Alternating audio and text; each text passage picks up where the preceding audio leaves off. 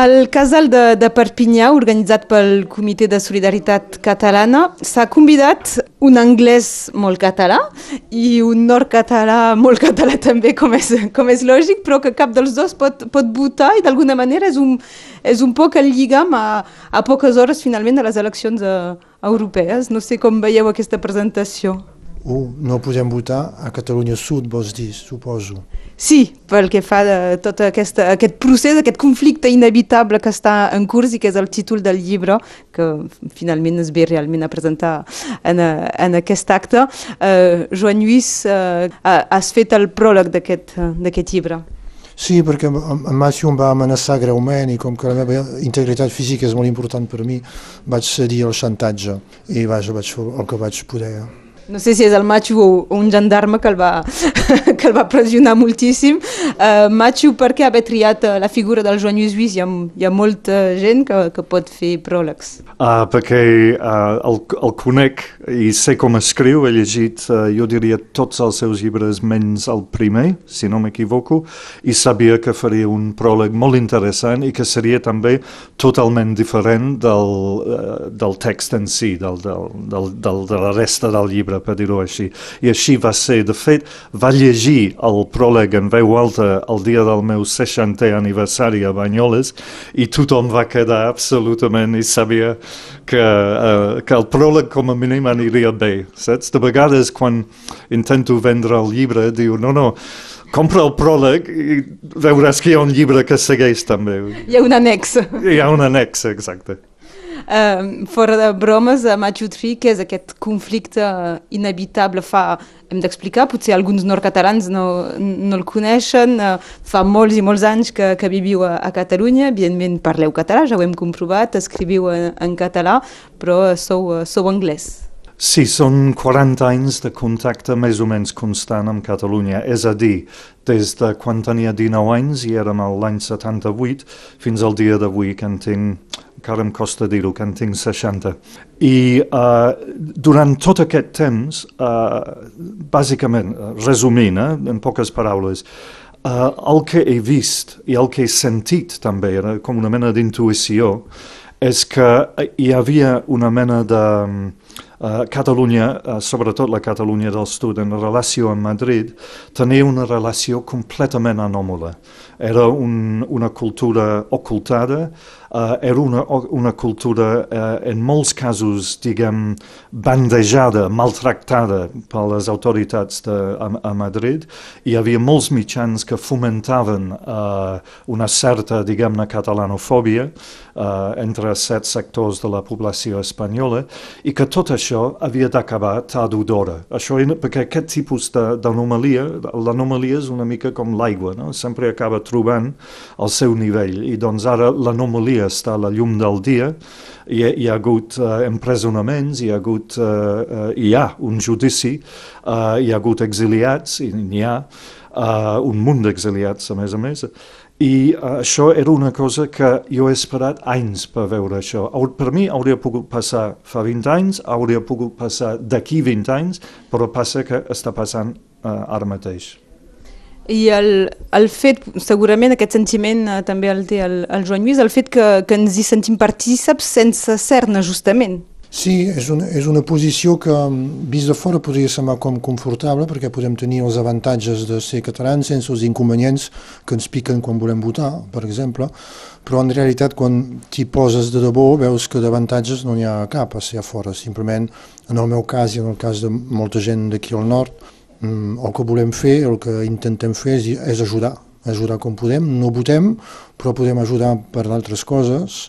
Jo he fet, amb d'altres, hem fet una crida per les xarxes socials als abstencionistes que ha al Principat, dient a Catalunya Nord hi ha molta gent que voldria votar a Catalunya aquesta vegada, a les europees, i no podem.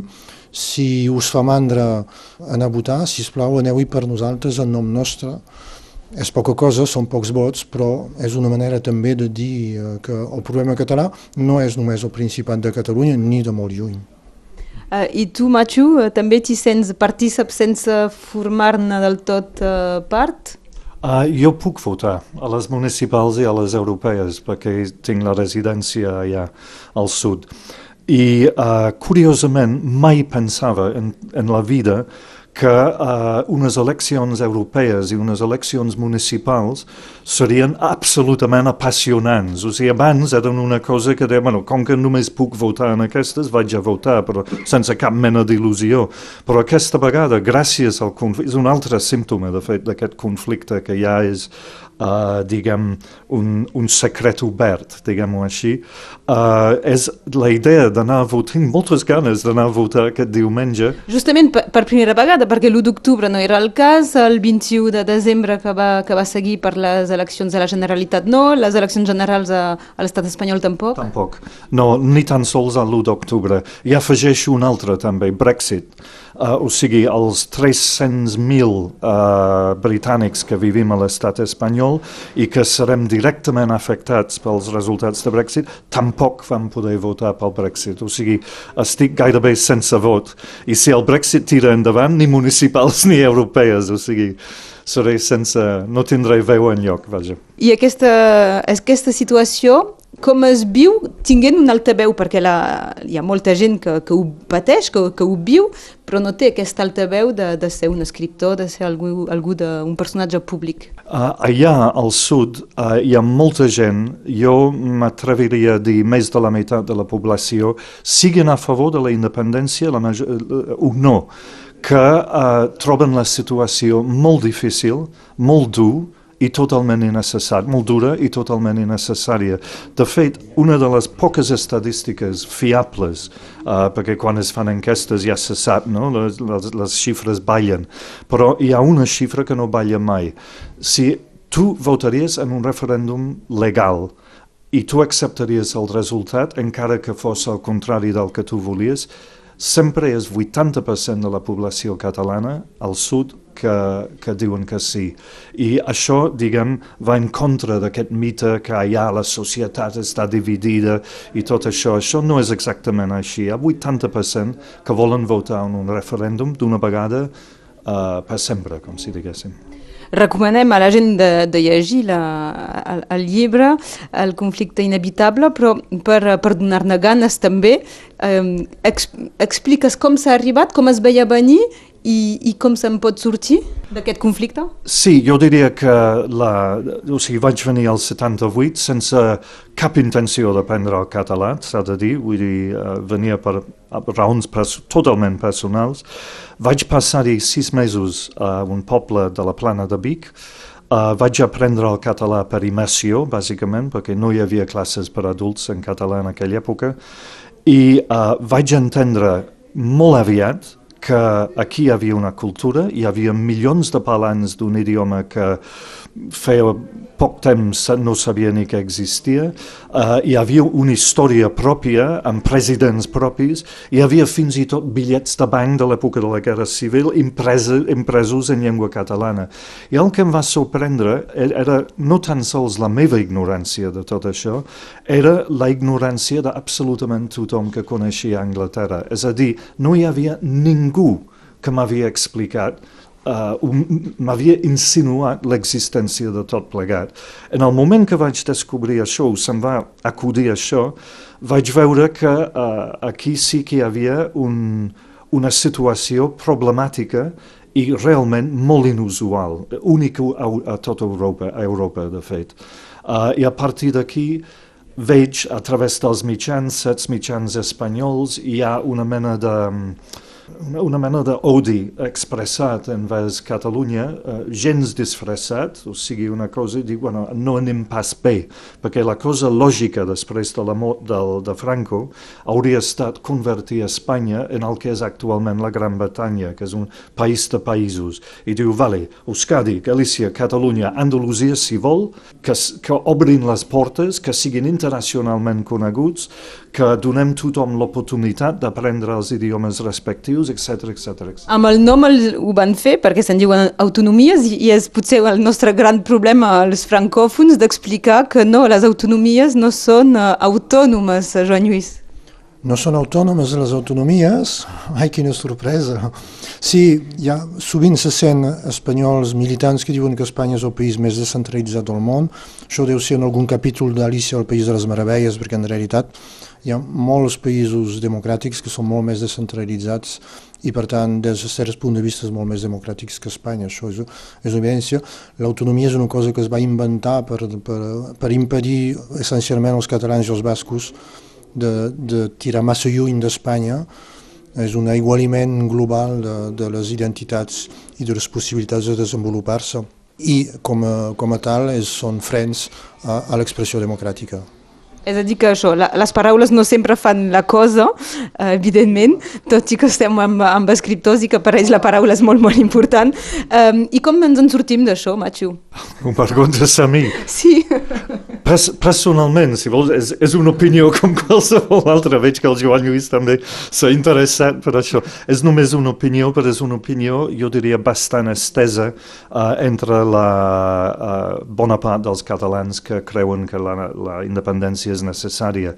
I trigarà, eh? però jo crec que uh, ha d'haver-hi un referèndum legal, és a dir, acceptat per l'estat central i l'única manera, l'única, l'única manera que uh, s'aconseguirà aquest referèndum és uh, si hi ha prou pressió internacional sobre Madrid, és a dir, hauran de torçar el braç de Madrid, per dir-ho així, per aconseguir aquest referèndum, perquè els partits espanyols mai, mai, mai no, no uh, uh, dona, donant el seu vistiplau a un referèndum sobre Catalunya. No ho, fa, no ho faran. Amb l'1 d'octubre, la cosa lògica hauria estat permetre que tothom votés, mm, diuen endavant, però no serà vinculant. Vull dir, hauria estat la cosa lògica. Però el que no volen saber a Madrid és si realment hi ha una majoria a favor de la independència de, Cat de Catalunya. Això és el que no volen saber de cap de les maneres, uh, encara que no fos vinculant. És, és això. Doncs s'acabarà votant d'una manera o, o, o d'una altra s'acabarà votant un altre cop. I si es comença a organitzar un altre 1 d'octubre, que no, és, no descarto, no es descarta com una possibilitat, llavors sí que crec que Europa uh, començarà a, a fer algun pas seriós uh, parlant amb Madrid. No? Creus en un pas seriós d'Europa? De, mm, S'ha vist en els últims anys que els líders d'Europa es dediquen més a emborratxar-se entre ells que, que a resoldre els problemes seriosos, crec. I jo he esdevingut bastant euroscèptic en els últims dos anys, com una part de la població de Catalunya també. Uh, és evident que en principi la solució de venir d'Europa, uh, però primer han d'acceptar ells mateixos que, ha, que el problema és sobre la taula.